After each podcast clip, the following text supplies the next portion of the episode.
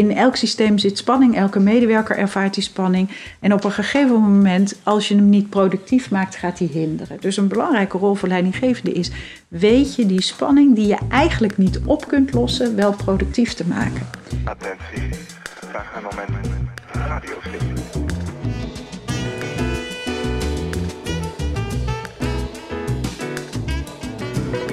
Welkom bij Radio Stilte, de podcast voor politieleiderschap.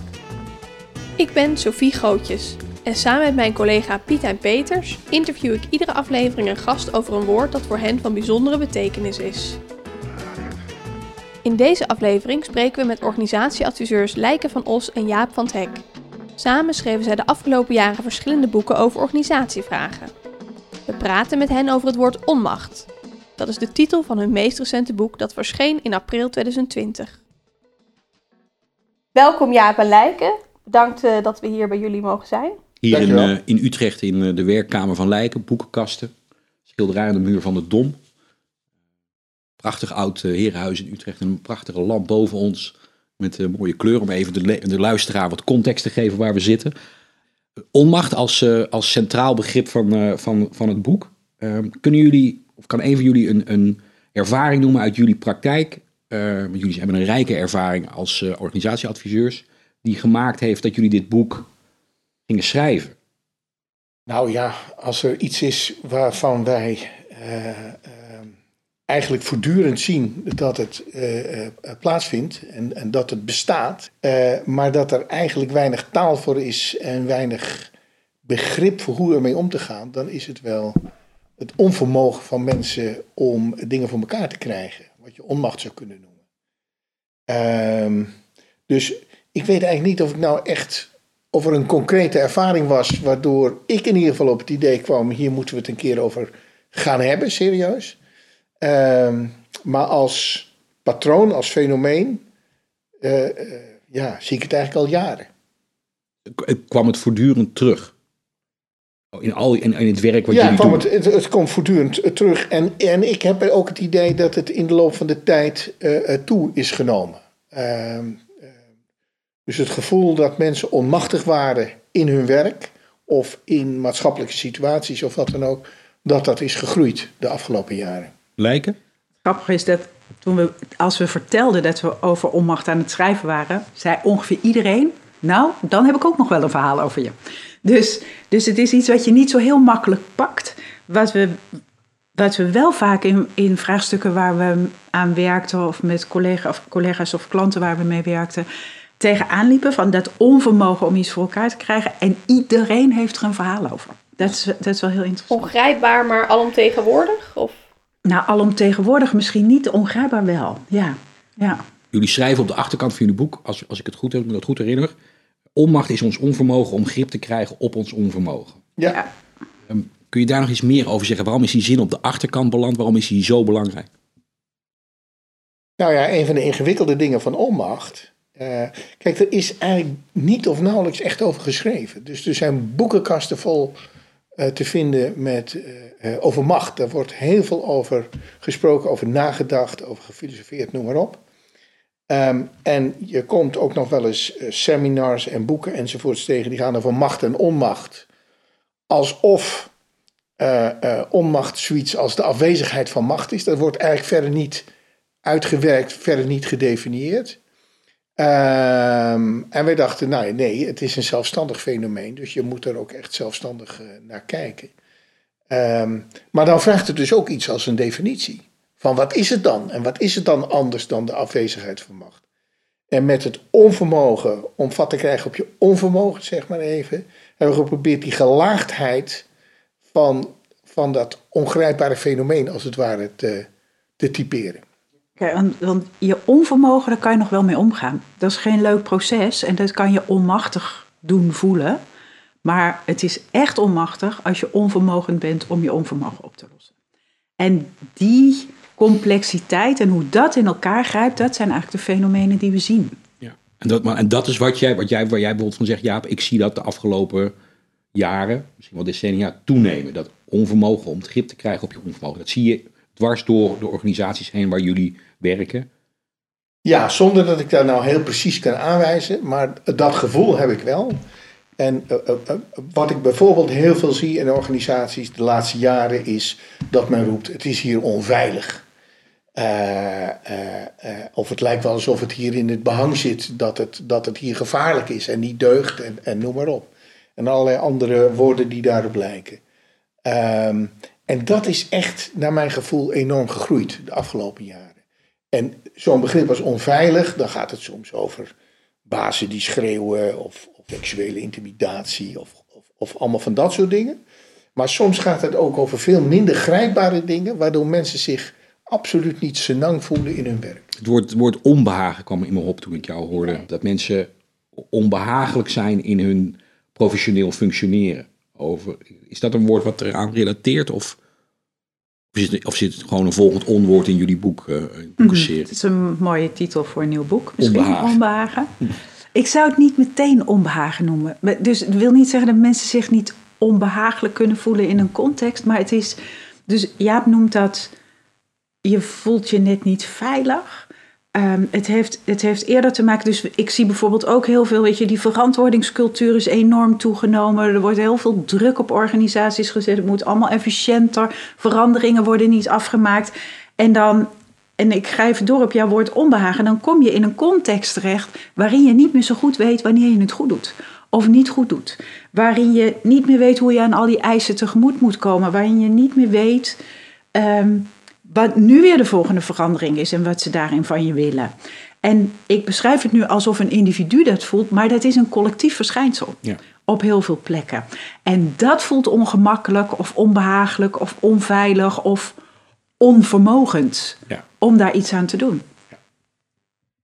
Jaap, jij zegt net van uh, de koppeling vaak is aan macht. Hè? Jij noemt net, net heel duidelijk een zelfstandig begrip.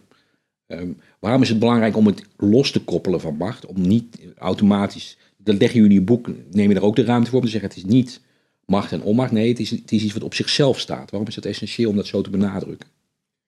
Uh, omdat je als je alleen denkt dat het het, uh, het gebrek aan macht is, mm -hmm. uh, dat je dan denkt, nou weet je, dan voegen we er wat macht aan toe en is het opgelost.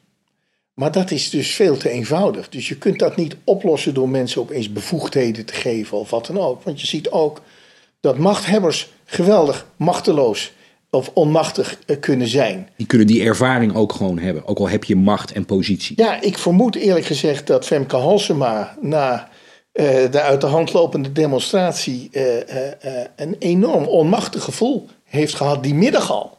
Over wat moet ik hiermee?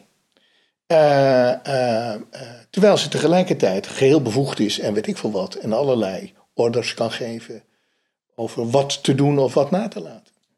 Lijken in jullie boek um, leggen jullie onmacht eigenlijk in drie dimensies uiteen. Hè? En, en jullie nemen de ruimte om te zeggen, nou we hebben het over je kunt praten over individuele onmacht, relationele onmacht en systemische onmacht. Even, kun je in een kort tijdsbestek iets zeggen over waarom dat onderscheid zo essentieel is en waarom jullie met name ook de nadruk leggen op die systemische onmacht. Ja, ja, ja. Um, uh, toen we begonnen met het boek over onmacht, het eerste wat er gebeurt, ook als mensen voorbeelden geven, is dat ze het individuele gevoel beschrijven. Dus het is, en ook als je naar de definities van onmacht kijkt, dat die, dat, die worden individueel psychologisch beschreven. Het is een emotie, het is een gevoel, het is iets waar het individu niet uitkomt of niet mee om kan gaan. Maar wij zagen echt wat anders in organisaties. Ja, we zagen ook dat individuele, maar we zagen vooral dat verschijnselen eigenlijk andere oorzaken hadden. Veel meer of veel vaker, niet alleen het individu, maar het individu omdat het in een onmachtige of te complexe relationele dynamiek verwikkeld was. Of een relationele dynamiek die bijna in de cultuur zat ingebakken. Dus we dachten, er zit ook iets relationeels in. En toen gingen we doorkijken en we dachten, ja, maar er zit ook iets systemisch in. En als je dan kijkt, we, we doen in ons boek ook een analyse in wat voor een systeem zijn we terechtgekomen met elkaar. En dan zitten daar heel veel van de onmachtsverschijnselen die wij zien in wat we in het systeemorganisatie of het systeemmaatschappij georganiseerd hebben. En als je dat niet erkent, dan wordt alle onmacht individueel geduid. Maar het individu kan er niks aan doen, want het ligt op een andere plek. Vandaar dat die, die grote nadruk ook op die systemische onmacht. En um, is het dan, want je, legt dan enerzijds uit dat je als bijvoorbeeld professional in een systeem werkt, in een organisatie waar je je onmachtig kunt voelen. Maar tegelijkertijd lijkt je ook te zeggen, ook dat systeem wordt weer omgeven door eh, andere systemen, waar weer impulsen uitkomen. Dus dat lijkt een soort, soort ja, mijn woord wat nu maar opkomt, is een soort, dat er een soort dubbele onmacht bijna kan ontstaan. Van, Ja, het is een soort geneste onmacht. Ja, zeker. zeker. Een- een ge- geneste onmacht. geneste Dus onmacht. Het een zit in het ander. Eh, en je kan hem dus ook niet uit elkaar rafelen en het brokje pakken en zeggen: Hier heb ik het brokje op macht, los maar op. Ehm, en en dat, de, omdat het genest is, omdat het eh, eh, relationeel of systemisch complex is. Ja, dus, dus de interpretatie dat het in het politiesysteem, om dat nu even te noemen, zou zitten. Dan zeg jij, nee, let op, het is niet alleen het politiesysteem. Systemische onmacht is meer... Het politiesysteem is ook een uitdrukking van iets wat groter is dan dat. Het Ja. politiesysteem heeft natuurlijk te maken gehad met ontwikkelingen in de afgelopen jaren. Die maken dat het politiesysteem nu is wat het is. Van, vanuit zijn historie al heel lang, maar ook met de recente ingrepen en veranderingen die er ge- gedaan zijn. En daar heb je als politiesysteem binnen het maatschappelijke systeem mee te maken. Ja, en hebben jullie dan een gevoel waar je dan uiteindelijk uitkomt? Hè? Want je zegt het is eigenlijk allemaal misschien een symptoom van een grotere onmacht of van iets, van iets wat dieper ligt. Eh, jullie beschrijven in jullie boek ook wel een aantal dingen daarover. Ja, kijk, ehm, ja, ehm, zonder dat we denken dat je het eh, onmachtsvraagstuk kunt oplossen, zal ik maar zeggen. Maar je kunt er wel aan werken. Eh, je kunt er wel aan werken en je kunt wel kijken of je het eh, kunt eh, verkleinen. Ehm, maar we denken dat er een aantal maatschappelijke ontwikkelingen zijn geweest de laatste decennia die enorm de nadruk op het individu hebben gelegd. Terwijl we tegelijkertijd een veel complexere samenleving hebben gebouwd, waardoor eigenlijk de systeemkracht groot is geworden aan de ene kant. Alles is aan elkaar gekoppeld, hè, zoals we net over die politiewereld spraken. Eh, alles is aan elkaar gekoppeld en tegelijkertijd een geweldige neiging om het bij het individu te leggen van los het maar op. Ehm, en eh, dus we hebben in het boek hebben we daar twee, eh, in ieder geval twee belangrijke ontwikkelingen bij genoemd. De ene is het neoliberalisme, waarin eigenlijk wordt gezegd: laten we vooral zo min, de overheid verkleinen en allerlei marktmechanismes daarvoor in de plaats zetten. En in de markt gaan we uit van zelfstandige, autonome, rationele individuen die hun eigen keuzes kunnen maken. En hoe meer keuze, hoe meer vrijheid, hoe gelukkiger ze worden. Ehm, dus daar wo- word je enorm op jezelf teruggeworpen. In de zin van, heb ik nu eigenlijk wel het goede energiebedrijf eh, gekozen en het goede contract of weet ik wat. Terwijl vroeger de overheid daarvoor zorgde, want dan had je gewoon iets van het GVB of van het GEB. Dat is één beweging. Het andere is eh, een heel populair gemaakt eh, eh, postmodernisme.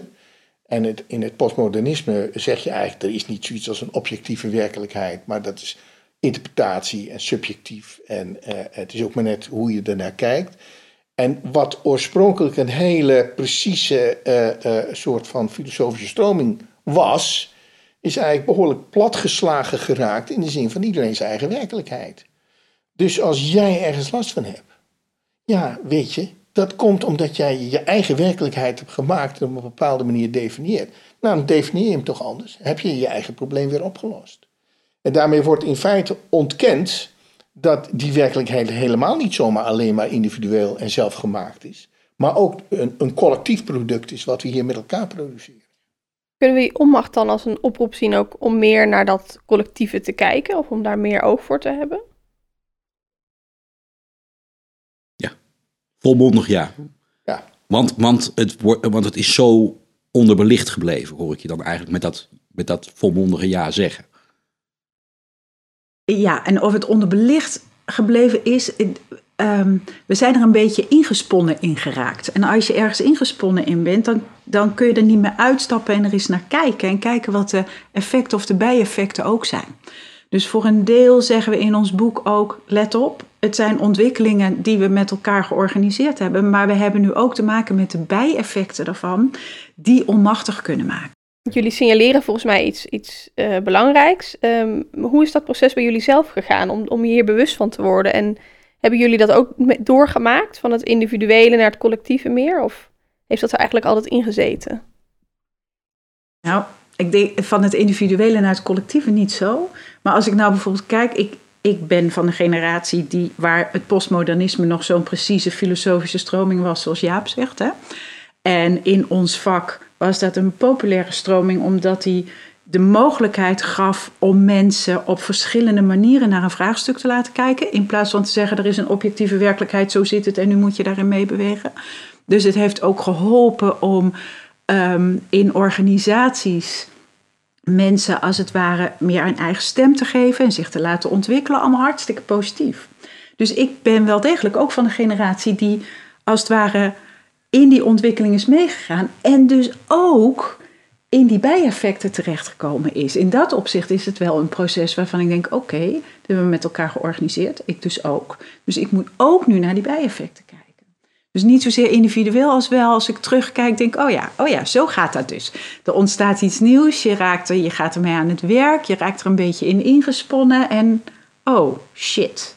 Nu hebben we de bijeffecten te pakken, namelijk die overpopulaire elke mening is een feit en elk feit is een mening. Maar is het dan een bijeffect of is het dat jullie zeggen, uh, wij als auteurs en als denkers en, in, uh, en degene die nu dit boek over opmacht geschreven hebben, wij zeggen eigenlijk dat neoliberalisme en het postmodernisme als twee drijvers, twee drijvende factoren hebben gemaakt dat we op een bepaald pad terecht zijn gekomen en nu willen wij omkeren. Het klinkt, het klinkt alsof je ook zegt van we, we willen bijeffect klinkt nog een beetje, want we mogen wel door op dit pad, maar we moeten een beetje bijsturen. Ik... Maar, maar, zo, maar zo lineair kun je het niet zeggen. Oké. Dat is, dat is dus, dus het is niet, oh, we hebben dat gedaan, we zijn op weg en nu moeten we omkeren. Het, dit kan je niet omkeren. In de zin van, nou, dan stoppen we ermee en doen we wat anders. Het is een veel complexere en geleidelijkere ontwikkeling. Dus dat is ook waarom ik bijeffecten zeg. Omdat aan het begin was, is dat vast van nooit iemand de bedoeling geweest, een aantal van die bijeffecten. Ja. Uh, of dat het ingesponnen geraakt was. Of, uh, dus in ons boek citeren we Tinneke Beekman, die heel mooi schetst hoe het postmodernisme een reactie is op het modernisme. Ja. Nou, dat wil je nu allemaal niet weten. Um, maar hoe, hoe wat als een, als een welkome reactie komt op het een, uh, als het ware zoals het modernisme ingesponnen geraakt is in zichzelf, is dat met het postmodernisme ook gebeurd. Het hoort er ook een beetje bij. Dus is het dan ook een beetje dat jullie hopen dat dit boek ook weer een welkome reactie is op waar we nu uh, verzeld nou, ja, wat mij, wat mij betreft wel. En uh, wat mij betreft gaan we ook in ons vakgebied, zeg maar even, organisatiekunde, veranderkunde, uh, veel meer proberen kijken naar hoe mensen relationeel en systemisch zijn ingesponnen in een groter geheel, in plaats van ze voortdurend als individu aan te spreken. Omdat zoals individu, als je ze steeds als individu aanspreekt op vraagstukken die groter zijn dan van henzelf. Dan creëer je onmacht. Dan creëer je een enorme onmacht. Uh, uh, maar op het moment dat je zegt, ja, maar dit is ook uh, een vraagstuk van een groter systeem. Dus dat betekent dat degenen die in dat systeem op de een of andere manier betrokken zijn, daar met elkaar een taak in hebben of een opdracht of, of wat dan ook. Dan kun je veel meer gezamenlijk naar oplossingen zoeken. en ook snappen dat dingen ingewikkelder zijn dan vraagstukken van individuele keuzes. Nog even over het woord systeem. Um, ik, ik ben, ik, het wordt makkelijk gebruikt. Hè? Ook, ook gewoon de mensen die dan zeggen van ja, ik zit vast in een systeem of uh, ja, het systeem of uh, lukt niet. Wat, wat zouden jullie daar nog meer over kunnen zeggen? Wat, wat, wat is een systeem in, in jullie? Die lijken nu werkelijk, dat kan de luisteraar niet zien, maar haar gezicht vertrekken. Is dit, is dit, is Hou je een, een podcast van drie uur? Ja. Nee, hij heeft ook een heel dik boek over systemen geschreven onlangs. Maar goed, het, het, tegelijkertijd is het een woord wat voortdurend in dit gesprek terugkeert. En wat, wat mensen uh, ook voortdurend gebruiken als datgene waar ze naar verwijzen op het moment dat ze vastlopen. Ja. Dus dat kun je daar dan toch nog niet in drie uur, maar in... Uh, maar, je, maar je zag me, ik dacht, oh, hoe geef ik hier, hier in twee zinnen antwoord op? Want dat is echt heel moeilijk. Dus het woord systeem wordt gebruikt voor, um, voor entiteiten die je als geheel ziet. Een set van elementen die een geheel vormen ten opzichte van de omgeving. Heel vage en abstracte definitie. Maar daarmee kan je dus. Dus een mens is een systeem, een mierenhoop is ook een systeem, een organisatie is een systeem, een maatschappij is een systeem. En een systeem is een samenhangend geheel van verschillende onderdelen. Eh, wat je niet zomaar in onderdelen uit elkaar kan halen en zeggen, nou kijk, zo zit het in elkaar. Hè? Dus het vormt als, als geheel een aantal kenmerken die het in de onderdelen niet heeft. Dus als we het hebben over ik zit vast in het systeem, hebben we het vaak over ik zit vast in die verschijnselen van een ding, organisatie, maatschappij, waar ik niet zo greep op heb, Ja. omdat het voor het systeem als geheel iets is. Helpt Jullie- dat? Ja, dat, tenminste, ik hoop vooral ook dat het de luisteraar Ja, helpt, maar in ieder, geval kan ik in ieder geval kan ik nu verder. Eh, ehm, jullie schrijven ook in het boek dat onmacht hoe dan ook een gegeven is. Het is niet iets wat, wat we definitief kunnen oplossen. Het zal er altijd zijn, dit soort systemische onmacht. Kunnen jullie iets zeggen over wanneer het destructief wordt? Hoe je dat herkent in een organisatie? Want het is er altijd. En tot een bepaalde hoogte is het daarmee ook acceptabel, lijken jullie te zeggen. Eh, omdat het er nou eenmaal is. Maar wat, wat kenmerkt als, het, als, het, als een organisatie scheef daarop gaat? Nee, maar het, het- volgens mij ehm, kun je ook weer niet zeggen dat het acceptabel is. Eh, volgens mij is onmacht altijd vervelend. En is het altijd negatief. En is het eigenlijk altijd iets waar je van af zou willen. Alleen het is een illusie om te denken dat je eh, op een zeker moment onmachtvrij door het leven kunt gaan. Zo, hè? Zoiets als de wereldvrede is ook een goed idee. Maar eh, niet zomaar te realiseren, om het maar zo. Het blijft een voortdurend proces waar je in zit. Ja, je Om blijft daarmee om te gaan, Maar, en- of- maar soms wordt hij dus heel destructief. Dus eh, om, een, om een voorbeeldje te noemen, eh, of voorbeeldje, een enorm voorbeeld, dat is de milieucrisis of de klimaatcrisis waar we in zitten. Daarvan kun je kijken, daar kun je heel systemisch naar kijken. Namelijk dat er alle mogelijke partijen op de een of andere manier in zijn versleuteld. En dat dat ertoe leidt dat we voorlopig onvoldoende vat krijgen op het vraagstuk. Want dat heeft bijvoorbeeld te maken met het feit dat er op de een of andere merkwaardige manier in Amerika Trump is gekozen, die daar opvatting over heeft. Daar staan wij met lege handen tegenover en, en volledig onmachtig tegenover, maar hebben er wel last van. En dat zijn wij dan nog. Maar nou zal je maar ergens in Bangladesh wonen, in een gebied wat binnenkort overstroomt. Dat is dus een hele grote systemische onmacht, zeg maar even, die heel destructief is. En waarvan je ook met elkaar zou kunnen zeggen, als je er van een afstandje naar kijkt, dat zou toch niet moeten mogen? Hè? Kunnen we dat nou niet slimmer aanpakken? Nou, wie het weet mag het zeggen. Eh, maar dat creëert dus onmacht, Ja. die eh, eh, heel verschrikkelijk is. En, en, iets, iets, en als je het dan iets kleiner maakt in, in een organisatie, in een, wa- wat, wanneer, wanneer ervaar je dan destructief? Of wanneer zeg jij dan bijvoorbeeld ook als organisatieadviseur, nu wordt het destructief? Of is, dat, of is het altijd iets wat aangepakt moet worden? Ik denk dat het destructief wordt als je het negeert. Als je net doet of het er niet is, net doet of het een individu is die het op moet lossen. Ehm, en dus eigenlijk vraagstukken niet echt aanpakt, omdat je ze niet op, het, op, het, op de laag aanpakt waar ze aangepakt zouden moeten worden. Maar als we ons nu, nu pas bewust worden van dat onmacht, dat dat systemisch is of relationeel is, dat het groter is dan het individu, eh, doen we dat dan tot nu toe altijd? Dat we, dat we het niet goed aanpakken? Nou, ik denk dat we in een tijd gekomen zijn dat we ehm, in, in ons boek eh, eh, gebruiken we ook regelmatig inzichten van Nicolas Taleb hè, over optionaliteit. Auteur van boeken als The Black Swan, Anti-Fragile. Daar kwam de vorige podcast ook, ook al terug. Dus, Ja. eh, Oh ja, ja, nou dat is een hele slimme, interessante denker. En ik denk, we zijn in een tijd gekomen dat we niet meer zoveel vlees op de botten en vet op de, waar, waar- wat heb je waar. Ehm, Hij noemt het redundantie. redundantie, oké, dat is minder plastisch. Ehm, eh, als je dat niet meer hebt, heb je niet zoveel mogelijkheden om een alternatief te vinden. Maar 20, 30 jaar geleden hadden we echt meer van dat soort mogelijkheden. Omdat het minder verknoopt was, minder complex was, meer ruimte was, meer scharrelruimte was. Meer duidelijkheid was misschien ook wel over wat je was in de organisatie. we En lopen dan- er nu eerder tegenaan. Ja, het is schraal geworden, dus we lopen er eerder tegenaan. Ja. Als je, als je kijkt naar de ontwikkeling van de organisaties, dan is er zo ongelooflijk slim eh, geprobeerd de afgelopen eh, jaren om eh, zo maximaal mogelijk veel output eruit te halen met zo min mogelijk inspanning. Dat er enorme roofbouwachtige, anorexia-achtige symptomen zijn ontstaan in organisaties. En anorexia maakt ongezond. Ja. En is, is ook een zelfversterkend proces dan op een gegeven moment. Zeker. En, je ziet het dus ook dat, dat naarmate je er meer uit zo'n organisatie probeert te halen. Neem nou even de, de zorg en het beperkt aantal IC-bedden, zou ik maar zeggen, in Nederland. Reuze efficiënt allemaal, heel erg slim. Tot het misgaat. En dan is opeens leiding last. En dan hebben we dus uh, enorme ondercapaciteit. En uh, uh, kunnen we zo'n onverwachte gebeurtenis als die coronacrisis eigenlijk heel slecht aan. En is, ik maak nu zelf al de stap inderdaad naar de publieke sector en naar een publieke organisatie als, als de zorg, om het maar ja. even zo te noemen. Um, geldt dit verhaal, deze, deze, snelle analyse die je even maakt, geldt dat ook voor de politieorganisatie? Herkennen jullie daar dan parallellen mee? Volgens mij uh, uh, kampte de politie ook al jarenlang met een tekort, tekort aan agenten. En een tekort aan opleidingscapaciteit. En, en vergrijzing en allemaal van dat soort dingen. Gebrek aan redundantie, zeg maar.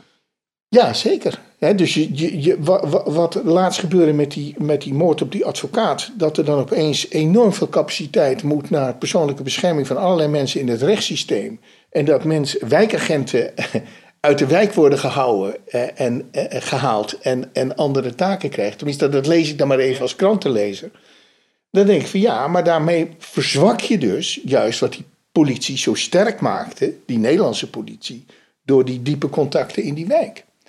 Uh, uh, en uh, als je als politielijn zit je op dat moment zit je natuurlijk ook gewoon voor een enorm dilemma van wat moet zwaarder wegen. Maar die enorme schaarste helpt daar dus bepaald niet bij.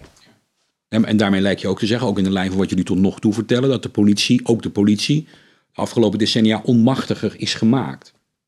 Ja, dat. Door die en, twee ontwikkelingen en, en eerlijk gezegd, ook dat, ik weet, daar, ik weet daar niet het fijne van. Maar wat ik zo al hoor, is dat zo'n opschaling naar zo'n landelijke politie natuurlijk enorm veel energie heeft gezogen naar allerlei interne uh, toestanden. In plaats van naar het werk zelf, om het maar zo te zeggen.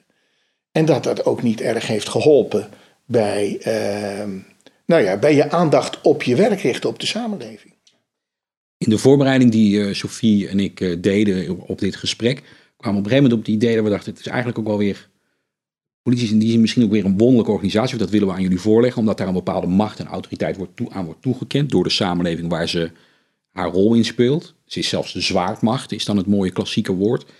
Um, en we, we vroegen ons af wat jullie gedachten zijn over hoe die macht, die macht die een autoriteit die haar wordt toegekend, die haar wordt toebedeeld, waar eigenlijk ook in iedere crisissituatie ook naar haar zo gekeken wordt door burgers, hoe die zich verhoudt tot die systemische onmacht waar jullie het in je boek over hebben. Daar, lijkt, zien jullie daar een relatie tussen? De, ik zie er twee. De, de, eerste heeft iets te maken met, dan kom ik weer met systeem, hè? maar in het systeem organiseer je ook rollen. Een systeem heeft een interne organisatie, of je nou een maatschappij bent of een organisatie. Je organiseert jezelf intern en daar horen rollen bij. En in de maatschappij heeft de politie de rol van zwaardmacht. Hè, hebben we zo georganiseerd met elkaar. En tegelijkertijd zie je door dat doorgeschoten postmodernisme dat de legitimiteit daarvan steeds onder druk komt te staan. Mm-hmm. Dat ze steeds minder serieus genomen worden. Dat je er ook, je mag het naast je neerleggen. Of je mag het, uh, uh, hoe noem je dat? bekritiseren op een manier die we vroeger niet zo deden met elkaar. Dus, dus de legitimiteit, de systeemlegitimiteit die ze eigenlijk hebben, staat ook onder druk. Dat is één van de verschijnselen die ik zie, die, die best ingewikkeld is. En het interessante van zo'n coronacrisis is dat dat soort rollen in één keer weer aan legitimiteit winnen. He, dus in een veilige context waar niet zoveel gebeurt, wordt het uitgerold. Nu, nu winnen ze weer aan legitimiteit. Tegelijkertijd ook niet als je ziet wat er nu met die BOA's gebeurt. Hè? Dat is de eerste die ik zie. De tweede die ik zie is de, de uh, um, politieorganisatie op zichzelf. Um, die ook uh, te maken heeft gehad met die... Het is publieksgeld, daar moet je zuinig mee omgaan. Daar moet je verantwoording over afleggen. Dus moet lean, en moet dit, en moet dat, en moet dat, en moet dat. Je ziet dat ook die politieorganisatie als het ware zijn effecten heeft gevoeld van, van die verschijnselen. En Jaap noemde net al die, dat optillen naar een nationale politie. Een van de dingen die ik heel interessant zou vinden, is om eens te verkennen in hoeverre die centralisatie, als het ware de um, lokale adaptieve regelruimte heeft aangetast of niet. Uh, of op welke punten. Omdat centraliseren soms lokale adaptiviteit doet afnemen. Want in één keer moet je inkopen centraal in plaats van dat je dat lokaal doet. Even los van of je dat goed vindt of niet. Het doet wat met flexibiliteit in het systeem. Dus dat, dus dat centralisatie, eh, eh, ook die de afgelopen vijf jaar inderdaad binnen de politie heeft plaats, of de afgelopen zeven jaar zelfs, ehm, geleid heeft tot eh, verdere onmacht. Dan om het Nou, de- of het, of het meteen verdere onmacht is, weet ik niet. Maar wat is er uitgehold geraakt? Dus waar heeft het geholpen? Helemaal goed. En waar is het ook uitgehold geraakt op de manier zoals Jaap net in het algemeen schetste? Nou ja, wat je ook ziet, is dat waar eh, de politie nationaler wordt, volgens mij er op het niveau van de gemeente eh, men dan allerlei lokale eh, dingen vervolgens nodig vindt, die heten dan BOA. Dat een fase verder de BOA's zeggen, mogen wij ook geen wapens hebben dan eigenlijk, daar, eh, de gaatjeswaardmacht zou ik maar even zeggen. En dan ontstaat er als het ware een nieuw soort type handhaver, die we eh, 20, 30 jaar geleden gewoon niet hadden. Maar die eigenlijk het gat vult van het agententekort. Uh, en, en de vraag is, en is dat nou wat we willen? Of is dit gewoon een nevenverschijnsel van uh, op zichzelf ook wel weer begrijpelijke bedoelingen, dat de politie efficiënter zou moeten kunnen en dat je makkelijker zou kunnen schuiven en, en, en allemaal van dat soort dingen. Waardoor een schaalsprong is gemaakt. Nou, we noemden net Taleb al als één ding kwetsbaar maakt, volgens Taleb, is het wel grote schaal. Hè? Ja. Uh, dus die, die opschaling maakt dus ook veel kwetsbaarder. Kan het zo zijn dat, we hebben het nu over die machtspositie die de politie wordt toebedeeld, die in een samenleving aan haar is toebedeeld, uh, de plek die ze daardoor gekregen heeft, en hoe dat wellicht ook doorgewerkt heeft in het DNA van de, van de politieorganisatie zelf. Speelt dat een rol in het vervolgens zelf al dan niet erkennen van dat je een probleem hebt met systemische onmacht? Dus leg eens uit wat je bedoelt. Nou, ik, de gedachte die, die ik had was, um, kan het zo zijn dat een politieorganisatie die zo gewend is om machtig te zijn, of eigenlijk ook uh, dat in die positie geduwd wordt, uh, vervolgens wellicht moeite heeft om te erkennen um, dat zij zelf ondertussen bijvoorbeeld uh, systemisch onmachtig is. Kan dat, is dat wrijft met elkaar? Of heb ik nu een associatie die gewoon niet klopt? Dat kan ook. Ik, laat ik zeggen, ik herken hem niet zo. Want ik, zo, zoals ik politiemensen ken, maar... Uh, uh, want je hebt, je, hebt, je hebt lange tijd voor de politieacademie gewerkt, ja. voor de luisteraars. Ja. ja. Uh, ken ik ze ook wel als dat ze ook wel heel eerlijk kunnen zijn. In dit krijgen we niet voor elkaar. En dit is te moeilijk. Gisteravond was Frank Pauw bij op één, geloof ik. toen ging het over de informatie eigenlijk het informatie, verkeerde inschatting van het aantal demonstranten bij die antiracisme demonstratie in coronatijd op de Dam. En daarvan zei hij, ja, wij dachten dat we het goed hadden, dat we onze systemen op orde hadden, onze intelligence, maar dat bleek gewoon niet zo te zijn. En ik denk, ja, dat is heel fair. Dat is, je geeft gewoon toe dat het, dat het gewoon niet goed heeft gewerkt. Ja, dus het kan niet, dus het, feit dat je die machtspositie, of dat, dat, dat macht je, uh, je aankleeft, hoeft geen relatie te hebben met het kunnen erkennen, of het juist niet kunnen erkennen dat je systemisch onmachtig bent, of daar het gesprek intern over kunnen voeren. Nee, dat, nee, dat denk ik niet. En, en ik, ik herken wat Jaap zegt, vooral niet daar waar mensen uh, er wijs mee om moeten gaan. Dus de politie is ook, dus als je, de, als je die macht in het systeem hebt, dan leer je hoop ik, en we hebben een maatschappij waarin we dat best goed doen, vind ik, op andere plekken misschien niet, leer je er ook wijs mee omgaan. Um, dus, dus ik herken ook wat Jaap zegt, dat het, dat het ook een organisatie is die kan reflecteren op wat er gebeurt. Of dat ook gaat over hoe je georganiseerd bent, vind ik wat anders. Dus ik herken heel erg dat binnen de politie de reflectie op het eigen primair proces goed dat dat regelmatig gebeurt. Maar of dat ook gebeurt op hoe je georganiseerd bent, weet ik niet. Dat is een ander type reflectie. Dat is een ander type reflectie. Hebben wij onze organisatie nou zo georganiseerd dat we ons primair proces ook optimaal kunnen uitvoeren? Dat weet ik niet. In het boek maken jullie een, duidelijk onderscheid tussen uh, een adaptief en een ontworpen systeem. En uh, in de voorbereiding uh, dachten wij binnen de politie speelt de term de blauwe cultuur, zeg maar, het blauw zijn. En anderzijds zie je ook binnen de politie strijd of, of discussie over enerzijds het adaptieve systeem, wat ik nu maar even de blauwe cultuur noem, hoe, hoe we de dingen nou eenmaal altijd doen, versus het, het willen veranderen, het, het, interveneren daarin en echt iets, een ontwerp aan te brengen. Zijn dit, zijn dit beide ehm, systemen, adaptief en ontworpen, die altijd met elkaar strijdig zijn? Binnen de politie lijkt dat zo. Ja, nee, nee, in tegendeel. Het- Eigenlijk is het een heel raar onderscheid wat we maken. Omdat in elke organisatie die twee vervlochten zijn. En, en als het goed is, wordt het ontworpen systeem ook weer beïnvloed door de cultuur van het adaptieve systeem. Dat is, dat is vrij logisch eigenlijk.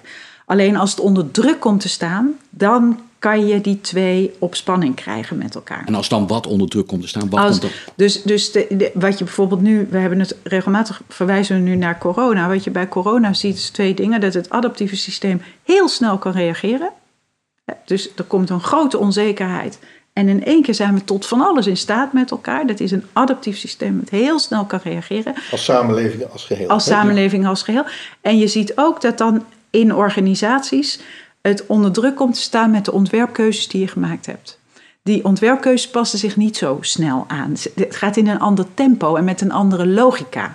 En als er dus druk op, te, eh, op komt te staan, dan gaan die twee wel eens knellen. Ja. Is daar een voorbeeld van? Je bijvoorbeeld nu in de zorg ziet of eh, in de politiek misschien wel. Nou, wat ik zelf wel een vrij geestig eh, eh, fenomeen vind, is dat er nog niet zo lang geleden een wet is aangenomen dat je niet met gezichtsbedekkende kleding in het eh, openbaar vervoer En nu is er een en in de gebod op. zorg Ja. eh, eh, mag. Hè? dat vervolgens nu we toch echt met het openbaar vervoer moeten gaan reizen enzovoort.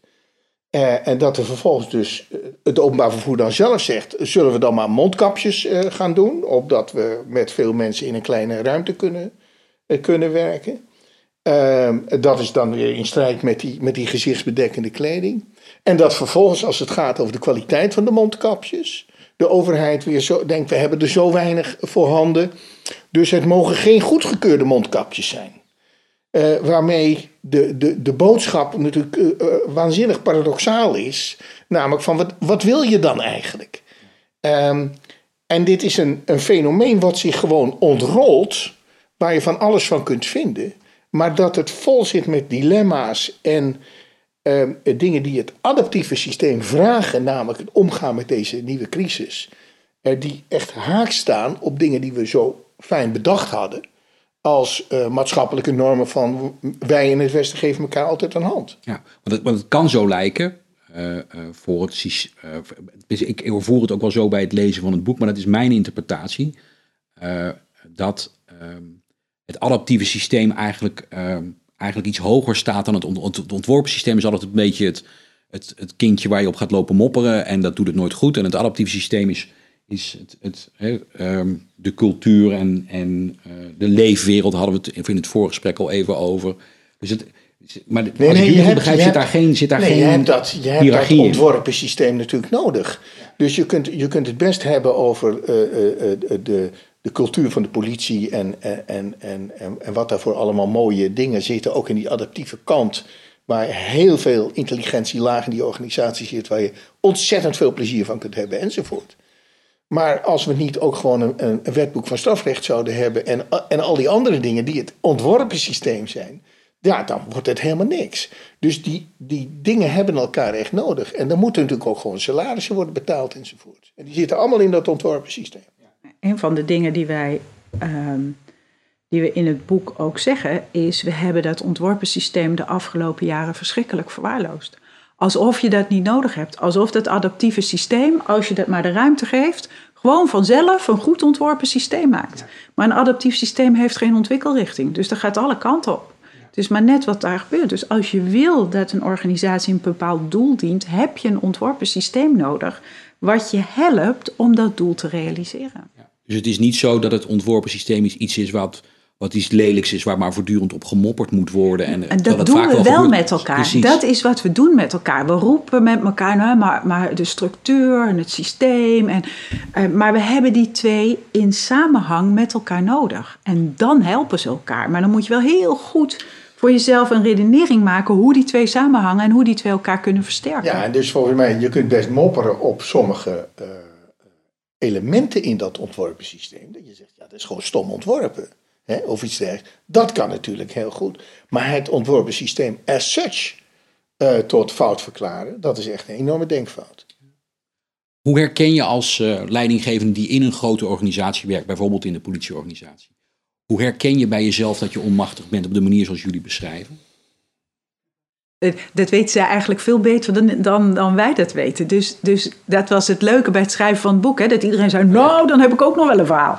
Um, dus het moet gelijk iets opzeggen. Onmiddellijk, echt onmiddellijk. Ik ben niemand tegengekomen die zei, oh ja, nou, dat maak ik nou nooit mee. Dus, dus iedereen heeft dat gevoel. Wat we, wat we hopen, denk ik, met het boek, is dat we mensen nu ook wat meer taal geven voor dat gevoel. En wat meer handvatten voor hoe ze ermee om kunnen gaan.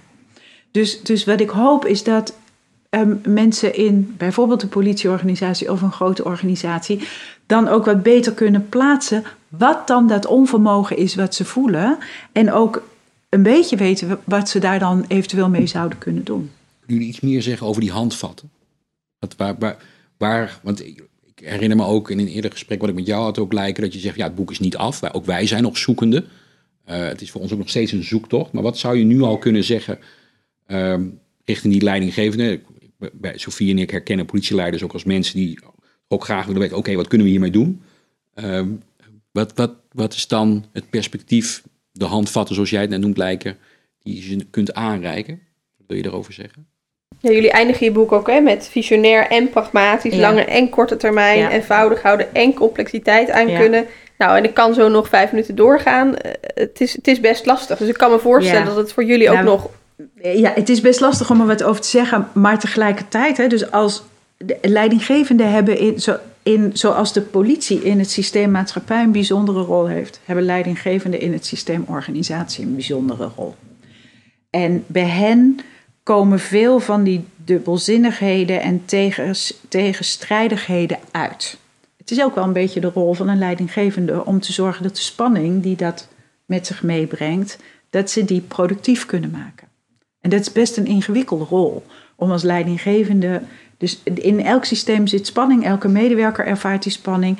En op een gegeven moment, als je hem niet productief maakt, gaat hij hinderen. Dus een belangrijke rol voor leidinggevende is: weet je die spanning die je eigenlijk niet op kunt lossen, wel productief te maken.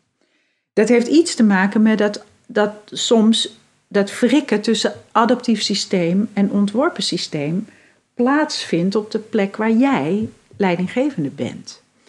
Um, ik denk dat alleen al dat kunnen zien helpt om iets te kunnen doen. Omdat je weet hoe je dat onderscheid kan maken. En dan zit het heel vaak in, je kan het niet, wij schrijven volgens mij in, op de achterflap van elk van onze boeken, dit zijn geen boeken met een tien stappenplan, want wij bekijken geen verschijnselen die je oplost met een tien stappenplan. Maar, maar in dit geval wel met en-en aandacht. Dus je, je redt het niet door gewoon stoer en snel te veranderen. Uh, je redt het ook niet door langzaam te veranderen. Je moet zoeken waar moet ik snel en waar moet ik langzaam. Je moet zoeken waar moet ik aan de visie vasthouden en waar moet ik pragmatische keuzes maken. Waar moet ik um, even ruimte laten en waar moet ik ruimte afnemen. Als een systeem complex is, kun je niet anders dan steeds die puzzel maken. Dus, dus het is een heel onbevredigend antwoord eigenlijk wat we geven. Namelijk, we zeggen niet doe het maar zo. Maar, maar en eigenlijk weten leidinggevenden dit heel erg goed. Uh, doen ze ook eigenlijk elke dag. Maak steeds en-en keuzes. Ja, en, en accepteer dus als vertrekpunt dat eenvoudige oplossingen niet bestaan. dus je kunt zeggen, eh, politie, mensen willen graag een concrete oplossing voor de vraagstukken. En eigenlijk is ons antwoord, accepteer nou dat er geen makkelijke oplossingen zijn. Maar dat het dikwijls ingewikkeld is en dat het vol zit met dilemma's. En dat het ook enorm helpt om eerst te erkennen dat het complex en ingewikkeld is. Om vervolgens soms alleen, maar vaak ook misschien samen met anderen te kijken: oké, wat is dan een goede uh, uh, volgende stap om te zetten? Om dan terug te gaan naar de quote die achter op jullie boek zetten. Onmacht is ons onvermogen om grip te krijgen op ons onvermogen. Begint het dan met het erkennen en accepteren daarvan en daarmee aan de slag gaan? Ja, als vertrekpunt. Ja. Uh, uh, het vertrekpunt is dat je niet omnipotent bent, dat je niet alles kunt, uh, dat er een hele hoop dingen niet maakbaar zijn, ook niet als je het heel graag zou willen. maar het vertrekpunt is dat je je stinkende best doet om in een modderige wereld je weg een beetje te vinden. Leren kijken met andere ogen? Ja, voor sommigen zijn dat andere ogen. Uh, maar ik denk, er ook, ik denk ook dat er genoeg mensen zijn die eigenlijk al zo kijken. En die, die dat uh, als vertrekpunt nemen. Maar het grappige is dat ons soort mensen, organisatieadviseurs, zou ik maar zeggen, heel vaak ook gevraagd wordt: zeg mij nou even gewoon wat de goede en makkelijke oplossing is. Alsof wij dat weten. Uh, en en, en wat, wat, wij eigenlijk kunnen is niet zozeer de goede of het, het, juiste antwoord geven of wat dan ook. Maar wel eerder met elkaar daarover in gesprek gaan. Om te kijken hoe zitten die dilemma's in elkaar en weet ik veel. En ook misschien wel in, in hoeverre is dit nou jouw persoonlijke en individuele vraagstuk. Of is dit een vraagstuk dat voortkomt uit grotere gehelen, uit, uit relaties met anderen, uit teams, eh, maar ook uit de organisatie of de samenleving als geheel. Waardoor je bij die leidinggevende wellicht ook wat meer ontspanning in ieder geval creëert. In de zin van zich niet helemaal zelf verantwoordelijk voelen. Kijk, het alleringewikkeldste is, er zijn eenvoudige, natuurlijk zijn er eenvoudige vraagstukken. Probleem, actie, opgelost. Niet moeilijk over doen. Maar als je de, uh, de trits probleemactie opgelost toepast op complexe vraagstukken, lukt het niet. En daar heb je die die verkenning en dat, dat stapsgewijze en dat modderige heb je daarvoor nodig. Jullie munten in jullie boek de term systeemintelligentie. Volgens mij hebben we het daar nu over. Uh, als, dat lijkt dus ook een soort bijna oproep aan leidinggevenden om systeemintelligenter te, te zijn. Ja, en niet alleen aan leidinggevenden eigenlijk. Dus we, we, we hopen dat, uh, dat eigenlijk iedereen ermee gebaat is om um, ja, zich meer te realiseren dat je onderdeel bent van een groter geheel. Dus ik vind een van de grote winstpunten, eerlijk gezegd, van deze coronacrisis ook, dat heel veel gewone mensen zich moesten realiseren dat hun individuele gedrag effect zou kunnen hebben in een veel groter uh, gebied. Effect zou kunnen hebben op anderen, op mensen die ze hebben ontmoet en dat de mensen die ze hebben ontmoet het ook weer verder zouden kunnen dragen enzovoort. Dus dat je deel bent van een groter geheel. En we hebben de afgelopen tijd enorm met elkaar de suggestie gewekt dat het allemaal individuele keuzes zijn die je helemaal zelf mag maken. Laatste vraag in dit gesprek. Um, bij het lezen van het boek, en het heeft ook een beetje te maken met de voorliefde die Sofie en ik uh, voor dat type verwijzing hebben, viel ons allebei de verwijzing naar het stoïcisme op. Stoïcijnen waar jullie uh, aan refereren. Dat lijkt een beetje ook te appelleren waar jullie het net ook over hadden, of van het beetje het kunnen verdragen ervan, van, van de modderigheid en dergelijke. Um, waarvan, waarom, zeg, waarom halen jullie het aan? Heeft het daarmee te maken? Zeg je, of zeg, zit daar een soort wijsheid in? Het is, het is een filosofie uit de Griekse tijd, als ik het goed heb. Uh, uh, waarvan jullie zeggen, ja, dat, dat, waarom pakken jullie dat er nou uit? En welk citaat, misschien is dat wel nog de, de vraag die daarbij hoort, welk citaat van een Stoïcijnse filosoof zeg, zeggen jullie nou, ja, dat, dat vind ik wel mooi om eh, aan leidinggevenden in met hun systemische onmacht mee te geven. Nou, ik zou niet zomaar nu spontaan een Stoïcijns citaat eh, kunnen geven, maar laat ik zeggen, wat de Stoïcijnen doen, is in hoge mate zeggen, uh, uh, maak je niet druk over de dingen waar je geen invloed op hebt. Accepteer dat het is zoals het is. Ehm, en dat is wat ze in de psychologie uh, coping noemen. dus ga uh, uh, op een slimme manier om met het gedoe dat je overkomt. en, maak je, en, en wat Covey noemt, beperk je tot je cirkel van, van invloed en niet, probeer niet in de gebieden waar je wel op betrokken bent, maar geen invloed op hebt, om daar veel energie in te steken. Dus het is, maar het zijn eigenlijk allemaal individuele antwoorden. Uh, en wat wij, waar wij toe oproepen, wat wij belangrijk vinden, is om niet alleen dat individuele antwoord te vinden waardoor je zelf uh, uh, je misschien goed voelt, maar ook met elkaar tegelijkertijd, zou ik maar zeggen, te werken aan systemische vragen die er ook zijn. Ja, dus niet al te stoïcijns zijn. Niet al te stoïcijns. Lijken, ja, dank u wel. Graag gedaan.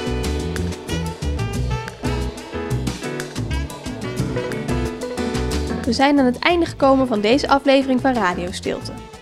Mocht je naar aanleiding van deze podcast meer willen weten over het thema onmacht en leiding geven, laat ons dit dan weten door een e-mail te sturen naar politieleiderschap politieacademie.nl. Daar kun je ook terecht met verdere vragen over deze podcast.